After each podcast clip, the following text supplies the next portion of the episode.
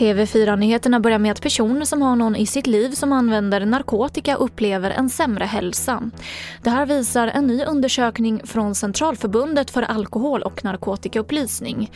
Att anhöriga till narkotikabrukare säger sig lida av psykisk ohälsa är nästan dubbelt så vanligt som hos resten av befolkningen. Och man ser även samma tendens i hur man mår fysiskt. Det är en grupp som behöver hjälp och stöd i sin situation Många känner en stark oro för personer med narkotikaproblematik. Det sa Erika Sundin som är utredare på CAN. Så till USA där minst åtta personer har dödats vid två skjutningar riktade mot massagesalonger i och omkring staden Atlanta. En 21-årig man har gripits misstänkt för de båda dåden. Fyra av offren är asiatiska kvinnor uppger polisen enligt CNN. Och till sist kan vi berätta att AstraZenecas vaccin inte skyddar mot att bli smittad av den sydafrikanska varianten av covid-19.